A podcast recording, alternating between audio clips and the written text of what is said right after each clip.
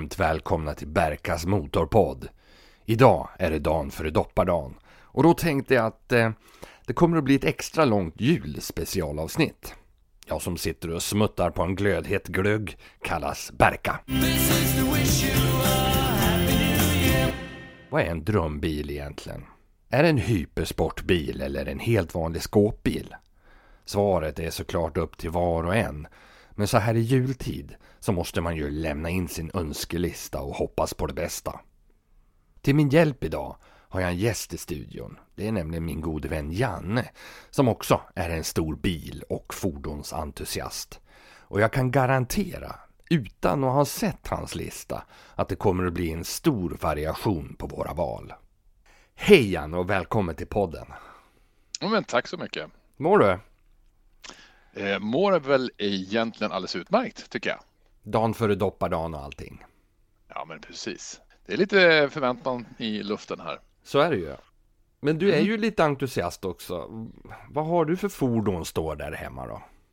Ja, en blygsam entusiast i jämförelse med dig tycker jag. Eh, nej, men jag har väl lite, lite tyskt och lite engelskt och lite, lite svenskt också.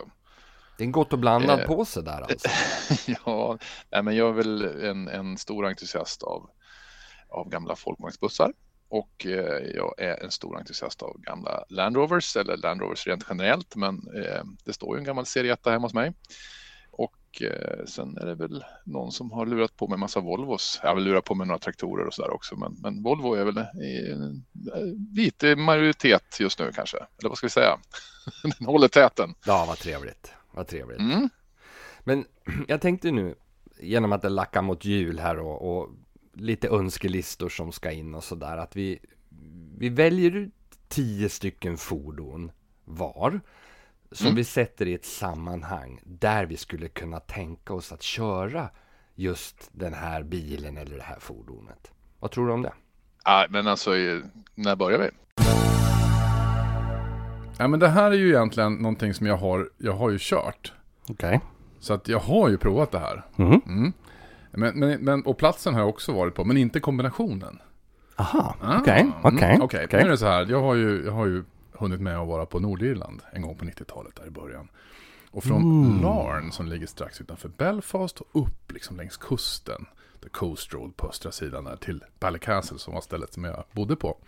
Så är det en sån här Coast Road och den går genom alla de här små gläns och såna här grejer. Det är, det är en liten kurvig rackare men alldeles vid sjö, eller alldeles vid havet. Mm. Och sen bär den av uppåt mot, mot höjderna. Eh, strax innan man kommer fram till Ballycastle. Och jag tänkte kombinationen, det här, nu ska du höra här. Du vet, Polismuseets Porsche Ja, ja, ja. ja. 911. Va? Den på den vägen. Ja, det skulle ju vara så otroligt roligt. Ja, dels för att, att min tid på Nordirland var ju väldigt kopplad till att det var The Troubles och polisbilar överallt och roadstops och sådana grejer. Men en svensk svartvit Porsche. Vad säger du om den? Ah, ja, alltså, jag hoppas ju att eh, Polisfordonsmuseets boss Henrik lyssnar på det här och vi hälsar ju naturligtvis till honom. Precis. Men det är ju, alltså, jag har inte den, jag har faktiskt inte den med på listan, men den, det är en contender på min lista också. Kul. Ja, men då så. En 911 T ifrån 1970 och en 2,2 liters boxersexa. Eh, som är uppskrämd ganska rejält i och med att man hittade ju den där bilen och renoverade tillbaks den till polisbilsskicket. För det är ju en, utav de här polisporscharna från början. Mm. Och den där tror jag Ljungbypolisen hade om jag inte är helt ute och cyklar. Du ska inte testa mig på det här. Det här är- har du benkoll på. Och den där Porschen har ju vi fått förmånen att köra både du och jag. Mm. Och jag förstår vad du säger för att det är ju en otrolig körmaskin alltså. Ja. Poäng direkt där Jan. ja, men kör på. Nu är det din tur.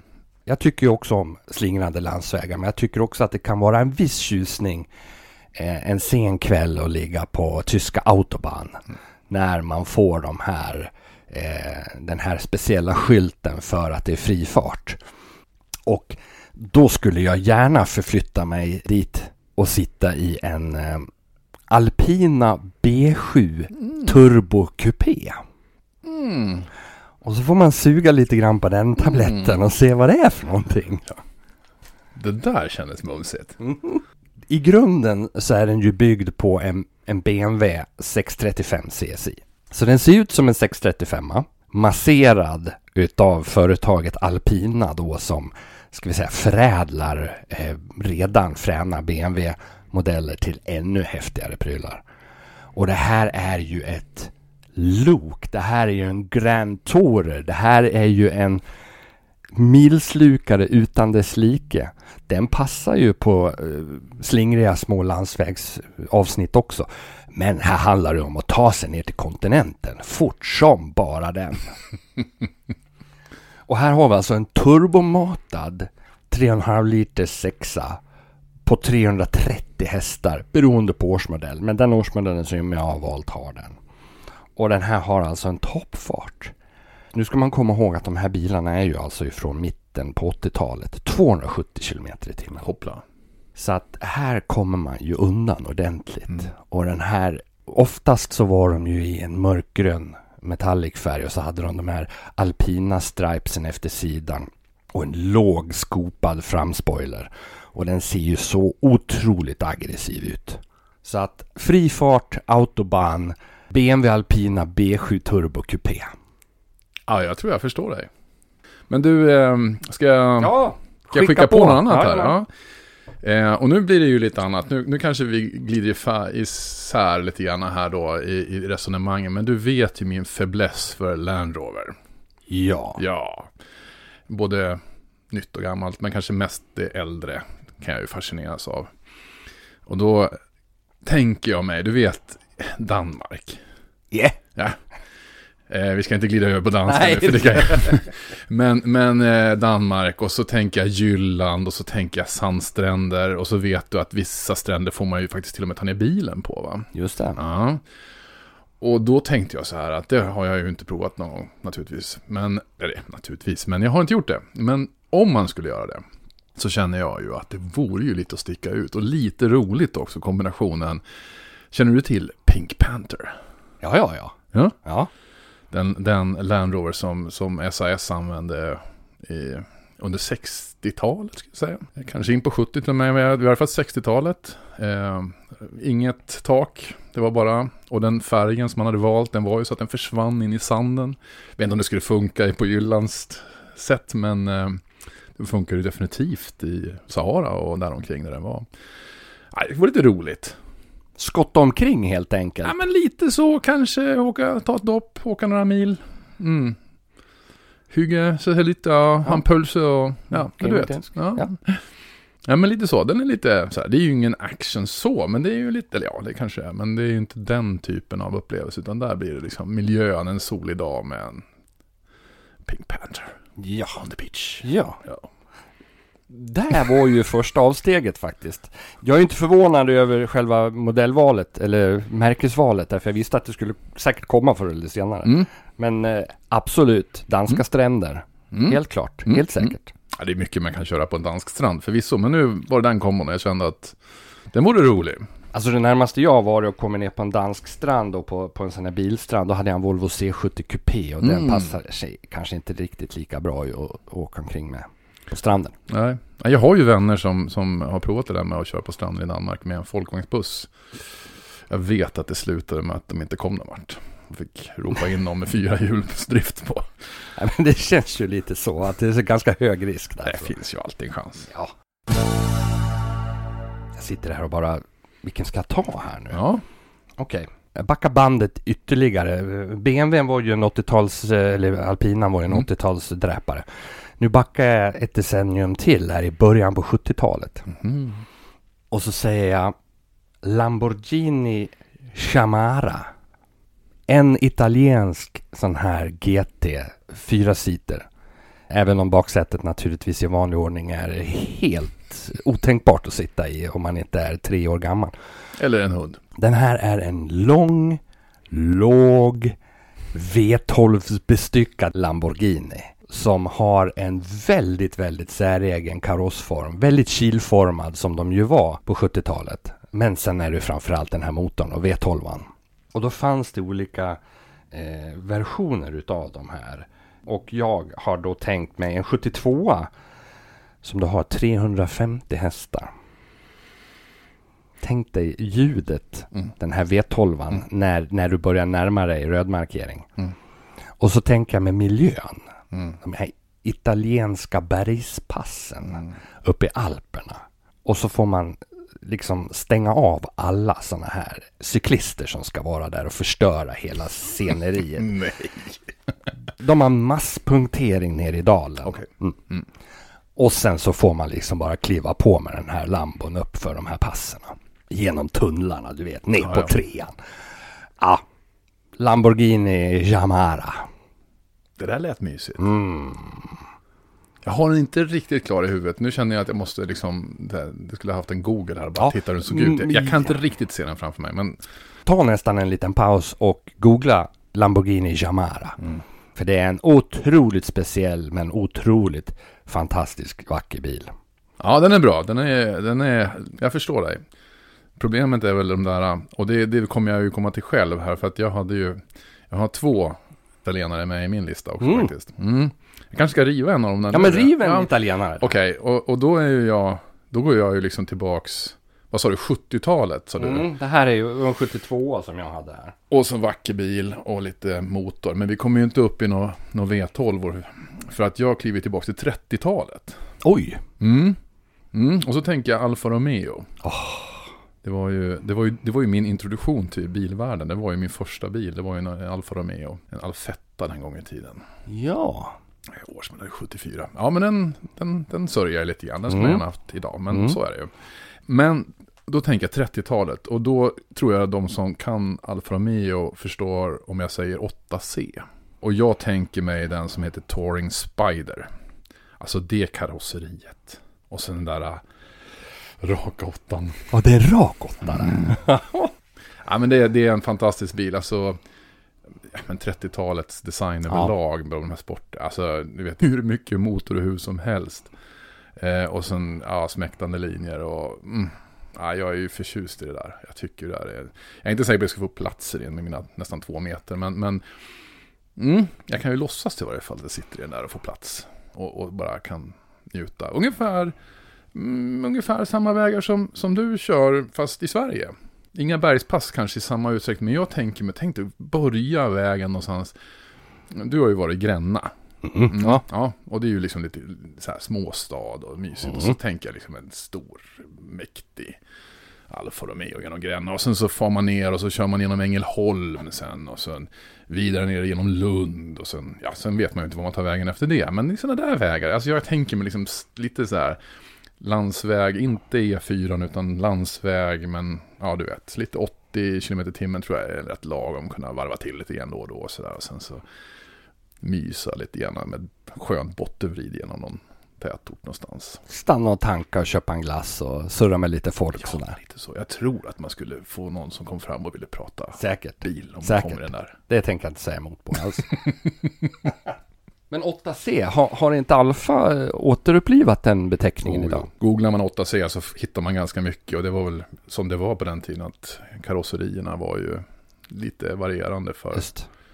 För, för hur de kunde se ut. Men, men just den här har jag sett bild på. Den sån här, ja. Ja. Jag skulle inte tacka nej till någon. Men, Nej. Trevligt. Mm. Trevligt. Då, då är det alltså min tur igen här nu då. Mm. Mm, Nu, okej. ja, hur går det då? Mm. Nu, Mm. nu blir det svenskt. Det blir svenskt. Och kan du, kan du gissa? Du, får, du har 50% chans här nu. Kan det vara så att det är en... eh, Det är en Volvo? Ja! Hur kunde du ta det? Nej, jag vet inte. Berätta om Volvo. här- Tell me. Mm. Vad? En, ett, nu ska vi tänka här. Man öppnar garageporten. Mm. Och där står det en, en klar röd Mm. Volvo Mhm. 242 Turbo Mm. Evolution. Nu, help me. Det var ju så här för att få bilarna inklassade i den här racingserien som de skulle köra. Så var man ju tvungen att bygga ett visst antal sådana här homologeringsbilar. Och då gjorde Volvo det på 242 turbon. Och så satte man dit en spoiler bak. Eh, skrämde upp motorn ordentligt. Den låg på ungefär 225 hästar. Eh, den vanliga 240 turbon hade ju 155 så det var ett ganska stort effektspann där. Och så hade man eh, lite skinninredning och lite sånt där i de där. De allra flesta hittar ju över till USA de här bilarna för 242 turbon fanns ju inte att köpa i Sverige. Det var ju bara 244 turbon och sen kom den. Men en 242 Evolution skulle jag vilja ha. Jag skulle vilja köra den. Jag skulle vilja låna den. Jag skulle vilja bara få titta på den. Men, men det är- det är inte nåbart? Alltså problemet är väl att hitta en idag. Mm. Och sen är det väl bara allt, allt som allt. Vi pratar ju pris, priser. Ja. Allting har blivit crazy va. Så Mm. för 20 år sedan, innan jag flyttade till Köpenhamn, Mm. så var det en sån här till salu. Eh, en, en röd just i väldigt, väldigt fint skick. Och jag tror att den kostade då någonstans runt 65 000 kronor, vilket Mm. ju var det var ju en ansenlig summa pengar för 20 år sedan Mhm. för en nybak eller man skulle bli student. Mm. Eh, och det var ju ingenting som man brukskörde direkt med heller. Så man hade ju fått köpt den och ställt undan den. Mm. Visst, okej då. Men, eh, ah, vilken bil. För en Volvo-nörd så är det ju det där. Det är ju crème de la crème alltså. Det är så? Ja. Och jag kan inte sätta den där i ett samband med att köra den. Ja, förmodligen så ska man ta den på någon Volvo-träff eller ut på någon sån här klassisk Mm. banuppvisning eller någonting sånt där. Mm. Men bara ha den liksom. ja, det, det är haet. det, det där är ha Ja, det är haet. Ja. Mm. Visst. Ja, men det är respekt på den också. Mm. Mm. Ja, Jag, jag tror också tar och går över till svenskt. Nu blir jag orolig. Och nu, nu har du 50% chans att gissa rätt Ja, här. då säger jag väl en Saab då. Nej! Fast jag var ju sugen i och för sig. Volvo har ju faktiskt gjort en del spännande grejer. Och, och, och jag satt och tänkte så här, ja men någonting som gjorde henne någon slags outplånligt intryck. Jag hade svårt att sätta den i ett svenskt sammanhang när jag såg den där typ i 91 serietidningen 91 som barn. Så här, jag tyckte det här ser ju bara jättekonstigt ut. Men det var ju en riktig Volvo. Och där kör du runt i en, en så kallad, eh, vad heter de, RTP 915 tror jag de kallar dem för. Mera känd som Suggan, terrängsuggan faktiskt. Ah. Den har väl blivit Suggan nu för tiden, men terrängsuggan. Ah. Det var, alltså det var ju en, en, en, en, en pjäs, det var ju en gammal sån här 800, P, vad heter de, PV 800, heter de så? Mm, det, alltså de gick som taxi de här. Det var ju Ja, var det en, en sån? 40-talskonstruktion Mm, liksom. mm, mm. Och det här togs väl fram på 50-talet baserat på det. Eh, jag vet att det fanns någon som levde kvar länge på, inom det militära till på 80-talet för att man behövde träna pansarsoldater som skulle köra pansarvagn att köra med osynklåda. Då behöll man en sån här stor sexa i den här, rak sexa, 3,67 liter har jag läst någonstans har jag för mig. Eh, jag har ju lite, fått ett litet intresse för Volvo 6 som du vet. Mhm. Eh, jag tycker det är lite häftigt. 90 hästar, säkert ett bra brotteri, gigantiska hjul. Eh, och jag tänker mig, så jag fattar den där och så, så kör man då härifrån. Och så kör man till jobbet. Som ligger inne i Västerås för min del. Och så ställer jag upp den där utanför. Jag tror att det skulle vara lite roligt bara sådär. Jag, jag, både resan dit och sen så bara, jag kan ju parkera på vilken gräsmatta som helst där nere. Jag tror inte någon skulle bli upprörd. Mycket antenner och grejer. Jag, alltså, Perfekt om det skulle hända någonting också. Du behöver rycka ut på någon form av krisuppdrag Eller också. hur? Ja, lite så. Nu är det utryckning här. Nu, nu, nu tar vi suggan. Ja. Terrängsuggan. Ja, förlåt. ja, ja, precis. Och så Ja. sådana här tre meters långa master som Ja. svajar också. så Ja, här, så man, l- långvågs... Långsändar. Långsändarförmåga. Ja, Ja, precis. nej men eh, jag vet inte. Det är, det är lite där fyrhjulsdriften och det är lite, eh, ja men det var ju brutal konstruktion vad jag förstår. Ja, men då är det min tur då. Ja men det tycker jag Eh, verkligen. ja, men då, då spinner jag vidare på det här med fyrhjulsdrift då. Mm. Kul. Och eh, fyra på italienska, det blir ju quattro. Mm. Surprise. Och då säger jag Audi Sport Quattro. Ah, just det.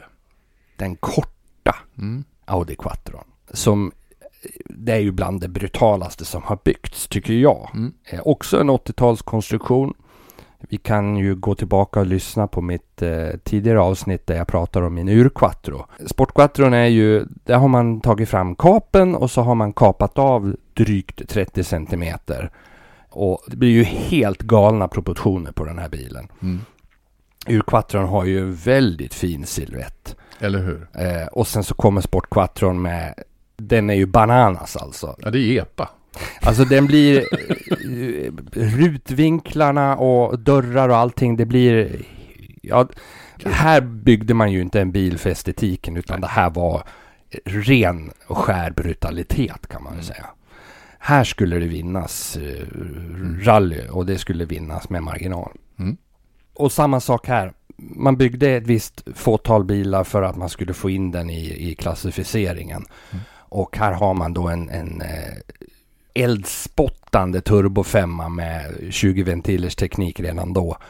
På 306 hästar. Mycket kolfiber, kevlar och sånt där i karossen. Otroligt, otroligt brutal bil. Jag har aldrig kört en sån här men jag har fått förmånen att setat i en. Mm. På en bilmässa nere i Essen i Tyskland. Okej. Och bara det är ju en, en upplevelse för en nörd som, som mig naturligtvis. Och den här skulle jag kunna tänka mig plocka ut på en sjöis med fulldubb. Just så. Och det finns ju någon sån här, något klipp tror jag, Sundfält kör Dahlbäck Sportquattro på, på isen. Ja, det, det måste bara vara det mest optimala instrumentet att ha ute på en sjöis. en Audi Sportquattro. Ja, jag tror dig. Jag tror dig. Eh, men du, då, då kanske jag ska tolka det som en... Det är en övergång. Det är en övergång. Men du, då, då, då sitter jag här och funderar på vad som skulle kunna vara roligt att prata om just nu. Och, och det är kanske är dags att återvända. Jag har ju... Du, du pratade lite inledningsvis där om BMW och, och sådär. Och, och, Mm och, och autobahn pratar de om. Och så tänkte jag att ja, men det är ju en sån där sträcka som, som man ibland hamnar på. Jag är inte tvärförtjust i det där på samma sätt. Men ska jag åka på den så vill jag ha någonting. Och då finns det faktiskt en bil som jag minns också tyckte var så här fantastiskt häftig italiensk historia. Eh, en De Tomaso Pantera. Ja. Det är en Ford V8 om jag inte minns fel Ja. där. Och de växte väl med, med åldern, på säga. Jag, jag gillar dem tidigare. Jag, Ja. är, jag är en svag, jag är en sån här serie 1-människa. På gott och ont naturligtvis. Men jag kan ju tycka det är lite, det är lite ärligt på något sätt. Sen så händer ju massa roliga saker på fordonen. Men, men den här första som kom. Jag skulle naturligtvis vilja köra på autobahn, självklart. Men jag tror att jag skulle tycka, någon gång så har du berättat för mig om resor vid sidan av autobahn Mm. Och, och det effektiva res, resandet vid sidan av. Och, ja, jag är ju lite svag för det där. Få chansen att, att växla lite mera.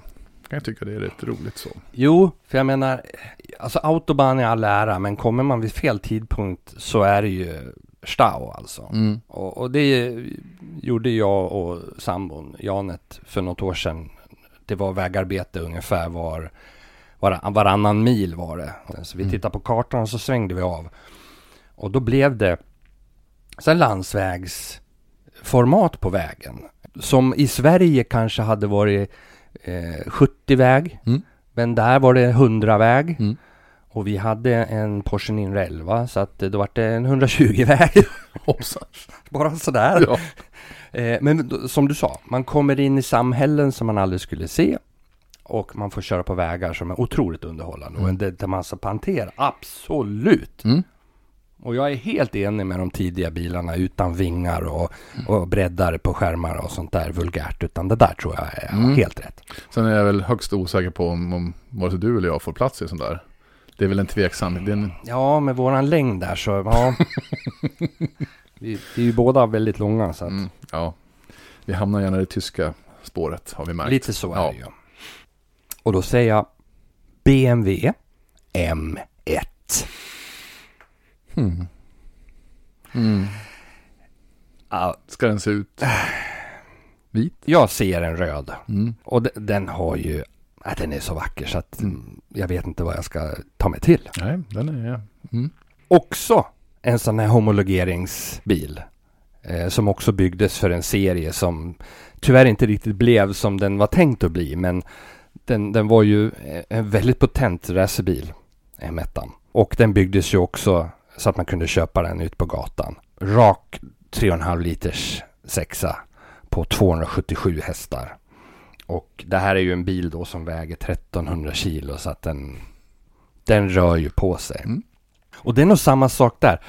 Jag har ju varit och kört på Nyberg Ring, men jag blev inte biten utav Nordslingan. Men däremot så fick jag köra på GP-slingan. Mhm. Och det är ju liksom en modern racerbana. Där skulle jag kunna tänka mig att prova en M1 Mm. på, på GP-slingan Nyberg Ring. Men det är en sån bil som du skulle kunna tänka dig att ha till en sån händelse? Eller finns det liksom en... Är den en, en sån bil som man skulle kunna ha till någonting mer? Liksom, än att bara slängas ut på en slinga? Jo, absolut. Eh, Men jag tror att där, där kan jag... Det, är ju, en- det här är ju en, det är en 45 år gammal snart eh, sportbil. Så Mm. att det finns säkert en Golf GTI idag som är snabbare. en diesel. Men, men, men bara få känna just på den här eh, femväxlade dogleglådan där du har ettan neråt och bakåt. Och sen så den här varvvilliga sexan. Eh, Likväl som jag kan se mig själv köra ner i, in i Monaco och ställa den utanför eh, kasinot och kliva ur. Den passar säkert jättebra in där nere på Rivieran också. Men eh, ja, BMW M1. Tackar. Nu, nu tänkte jag spåra ur lite grann. Ja. ja. Äntligen. Nej, men, men nu, nu lämnar vi liksom moderna bilar tror jag helt och hållet här. Och så, nu ska vi se om du, du kan, alltså det finns en otroligt speciell liten bil. Eh, som, den börjar se ut som en bil. Den är, den är alltså 20, nu pratar vi 20-tal, Det var ju på 30-talet tidigare, nu går vi ännu längre tillbaks. Då finns det en Hanomag. Eh, jag tror den kallas för komissbrott. Eh, 2 10 PS. Alltså det, det, det ser ut som en liten spårvagn kan man säga.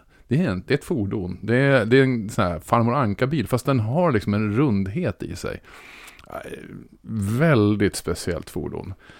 Ehm, om man skulle göra något praktiskt av det. Ett komissbrott i skogen i en svampplockartur. Jag tror den har väldigt bra förmåga att ta sig fram. Jag har för mig att jag läste att den var väl till och med att det var kedjedrift på den. Men jag, jag låter det vara lite osagt där. Ehm, mm. Kan du säga vad den hette igen? Eh, den heter, eh, den heter ju, det är ju Hanomag tror jag som har gjort det från början, innan de blev Hanomag Henschel, på 60-talet de blev det. Eh, Komissbrot, alltså någonting sådär armébröd. Ja. Mm, det var väl som det såg ut. 2 snedstreck 10 PS var liksom namnet, det är så här jättelätt namn. Då får man googla på det helt Man enkelt. får googla på det. Det är en, det är en spännande bil. Eh, ingen fartupplevelse, jag, jag lovar. Jag vet inte om det ens var 10 hästkrafter i den. Jag vet inte. Jag kan för lite om det, men jag tycker den var rolig. Och jag har sett någon sån här körvideo på den där som gjorde att ah, det där vore ju kul att prova. Vad galet. Mm. Jag hör vad du säger. jag tror jag ska ta, jag, nu ska jag dra till med någonting nytt. Här är så nytt så här har ju inte ens färgen hunnit torka på. Oopsan sa. Porsche 992 GT3 Touring. Sådär ja. Ja, årsmodell 2022. Mm. Du är ju påläst, det förstår jag ju. Eh, ja, Mm.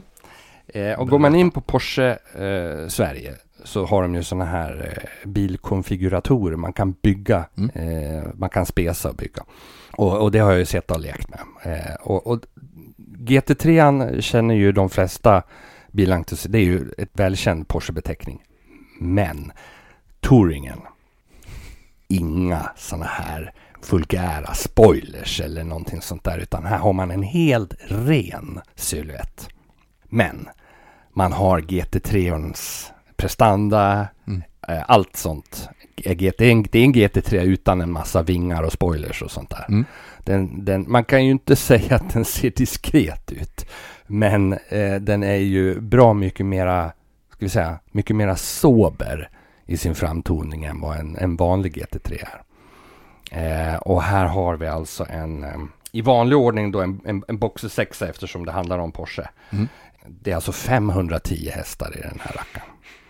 Och, och den har ju blixtrande prestanda. Den gör ju 0 till 100 på bra under 4 sekunder och toppar ju 320 km i timmen om man nu hittar någonstans så toppar den någonstans på och sådär. Och så skulle jag vilja ha den i en sån här diskret mörkgrå metallic färg och svart skinninredning. Och, och, och de här ställbara komfortstolarna, inte några skalstolar och sånt där. För det handlar inte om det utan det är en touring. Den ska, den ska också sluka mil. Mm. Så att det är nog det nyaste som jag kan hosta fram. Det är en, en flång ny 911 GT3 Touring. Beprövad och är, du vet ungefär vad det blir, ungefär i varje fall. Du kan föreställa dig lite grann. Ja, det finns bara ett problem och det är priset för att den Ja. i grunden så hamnar det, det, det är liksom 1,8 miljoner i grundpris och sen när man har petat i allting man vill ha så är det 2 miljoner.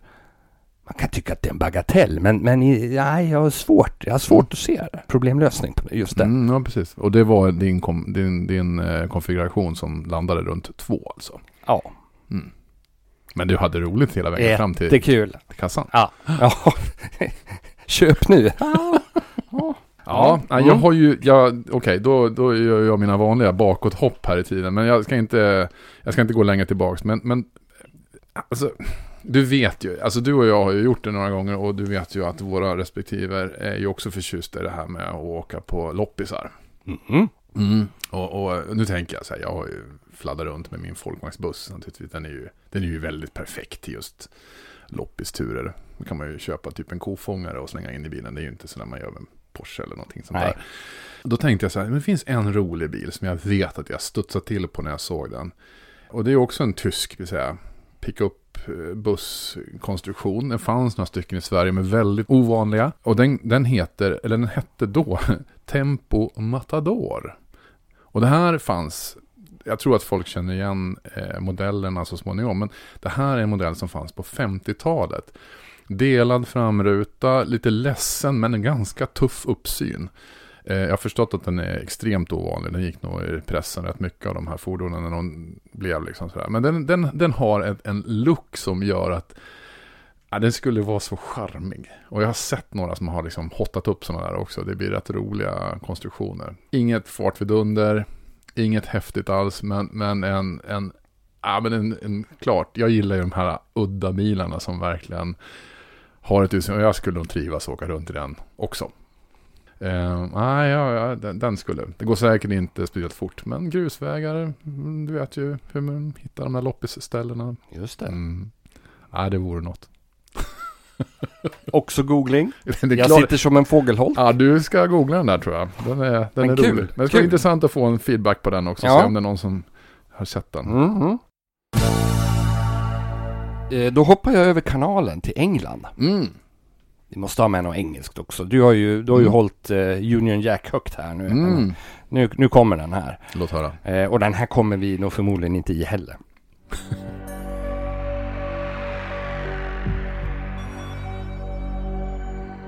Eh, en Lotus Esprit Turbo.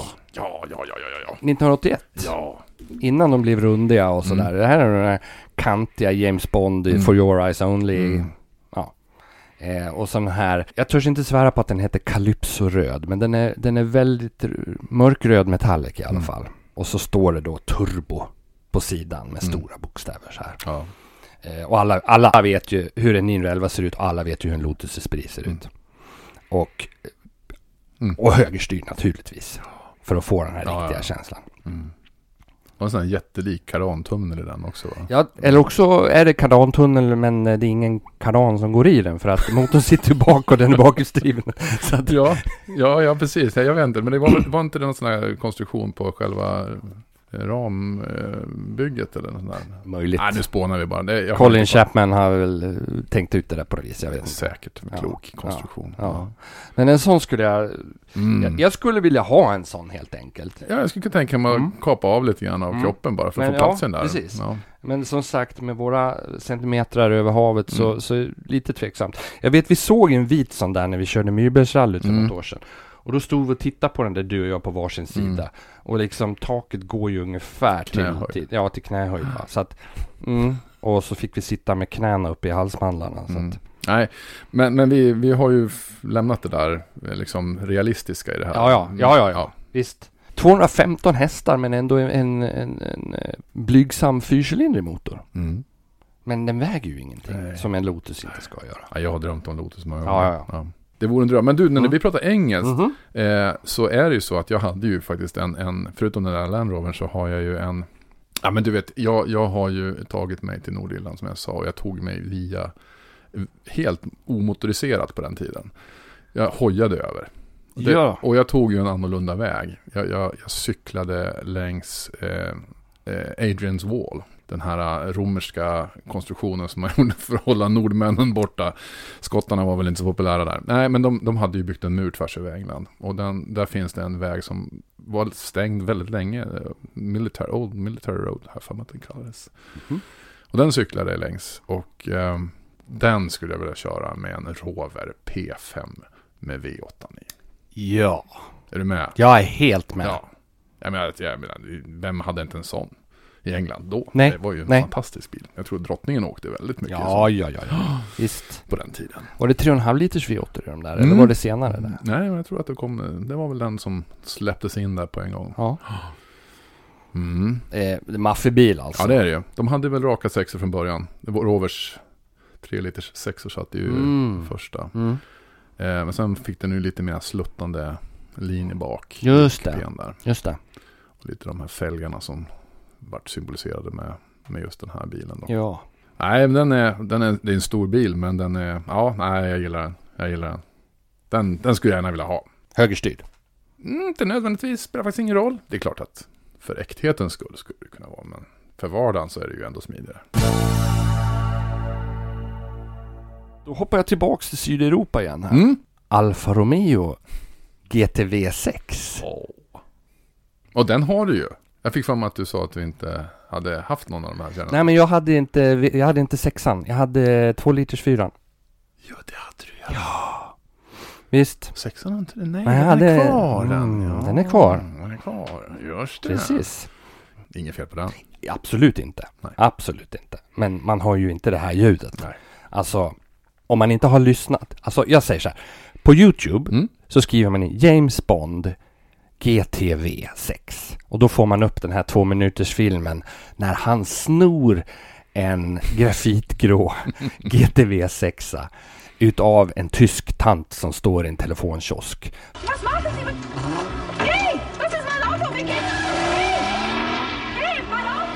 Han måste ju hinna till den här amerikanska flygbasen för att desarmera den här atombomben som ska brisera. Just, just, mm. Och dra järnet med den här bort till den här militärbasen. Where can I find the base commander? It's urgent. Let's see your circus pass. Damn it, man, I said it's urgent. Get out with your hands up! Captain, some nut went through here in a stolen car. Wants the base commander. And he's wearing a red shirt. Youtube upp det, det säger allt. Alltså det, det, det är så engelskt. Ja. Det är tyska BMW som jagar. Mm.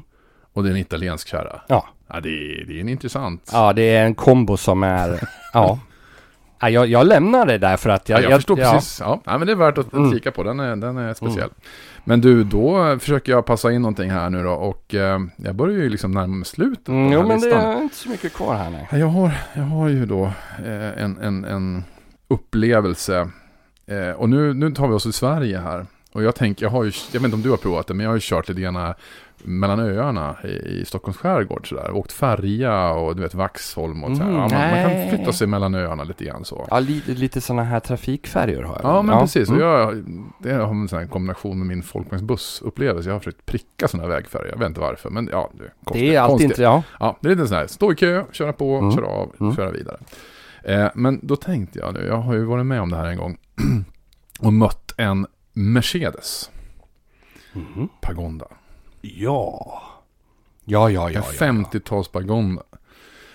ja. cabriolet. Mhm.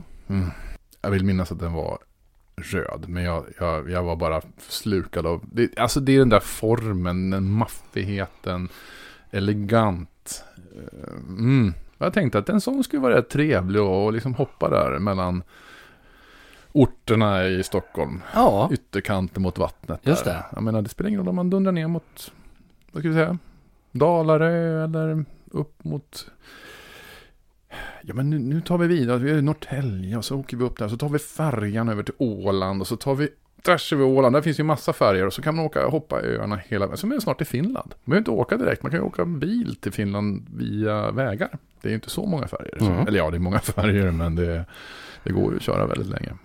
Otroligt vacker bil. Mm. Och, och jag, jag är inte så förtjust i vita bilar, men den där skulle ju vara jäkligt Ja. snygg i vitt. Och så röd. Röd skinninredning. Ja. Ja.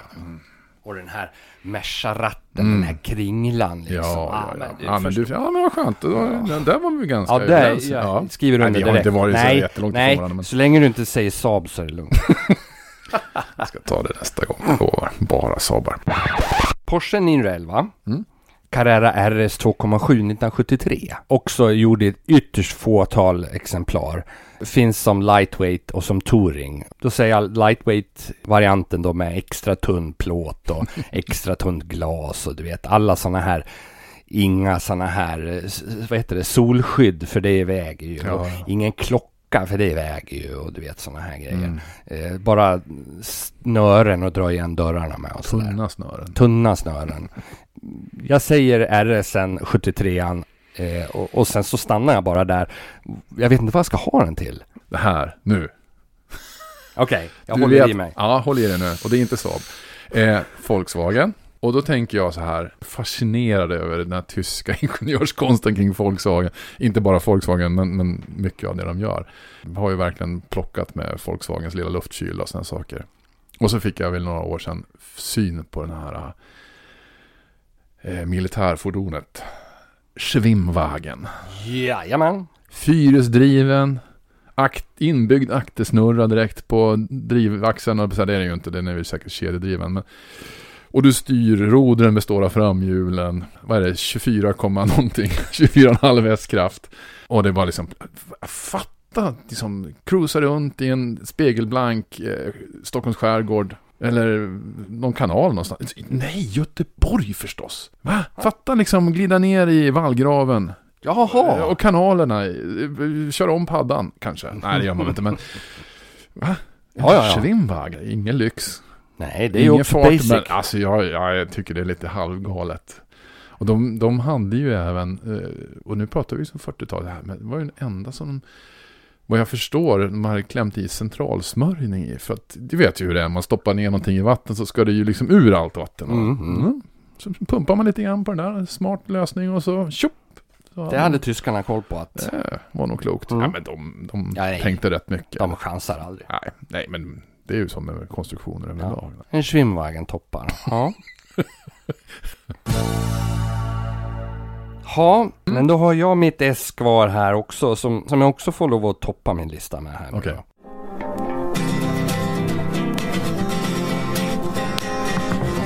Tänk att få sätta sig bakom ratten och dra järnet från Nice ut på de här fantastiskt kurviga och underhållande bergsvägarna och sen ner mot Monaco där man har bokat rum på Hotel de Paris. Som, eh, ja du vet, det ligger ju mitt emot kasinot där. Och eh, där anländer jag ju ståndsmässigt sett i en Bahamagul Aston Martin DBS V8 1971. Ja. Alltså, det här är ju motoring at its best. Det här är ju en kontinental kryssare och en utav på den tiden snabbaste serietillverkade bilarna som fanns. Mm. Med sin eh, 5,3 liters V8. Den här huven med den här, eh, den här upphöjningen med luftintaget i och, och den här otroligt vackra kupésvepningen bakåt. Taklinjen där är ju otrolig och har ju också ett otroligt stort bakfönster. Mm. Man sitter ju med de här gigantiska Smiths-instrumenten framför sig. Och eh, den här växelspaken. Alltså, det här måste, det är nog bland det vackraste som har Mm. byggts någon gång. Fan vad coolt. Men, men äh, då känner jag så här, men där skulle jag också vilja slänga in. Och visst, då skulle man ju ha någonting att, att kontra med. En Schwimmwagen. Jag visste att det, jag kände just att, att en, en Schwimmwagen riktigt matchar väl kanske inte. Men då är det ju läge att plocka fram dinon. Och nu, eh, nu la jag ju på en extra, förlåt. Nu, Det här vart ju en bonus då, men jag kände att Schwimmwagen och din Aston Martin, de matchar inte va? Du, du är välkommen med en Dino också. Är det? Ja. Ja, den, den kanske inte är så vattentät så, men den är ju definitivt någonting och illrött. ja. Alltså de, de två bilarna matchar ju väldigt bra varandra. Det är någon som har tänkt på det, Det är förut. någon som har tänkt på det förut. Den går jag säkert inte in i heller, men den är vacker. Den är vacker. Jag vet ju att jag sitter bra i en Aston. För att jag, en sån har jag kört nämligen. Och det finns ju utlagt på YouTube. Mm. Om man eh, söker på YouTube på Berkas Motorpodd så finns det en film när jag kör en silvergrå DBS. Och den sitter jag som en smäck i med mina 190 plus mm. centimeter. Så den, den vet jag funkar.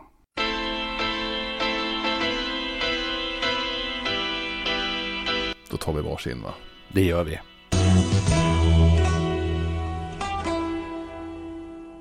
Vilka bilar som vi har plockat fram. Ja. Vilken bredd. ja. Det här var svårt. Men det är väl ingenting annat här nu då än att vi, vi, vi knyter ihop säcken här och sen så får vi önska alla som lyssnar en riktigt, riktigt god jul. Ja, verkligen. Riktigt god jul. Så hörs vi igen på nyåret för nu tar Berkas Motorpodd lite jul och nyårsledigt. Kör så det trivs, som jag brukar säga. Det säger du bra.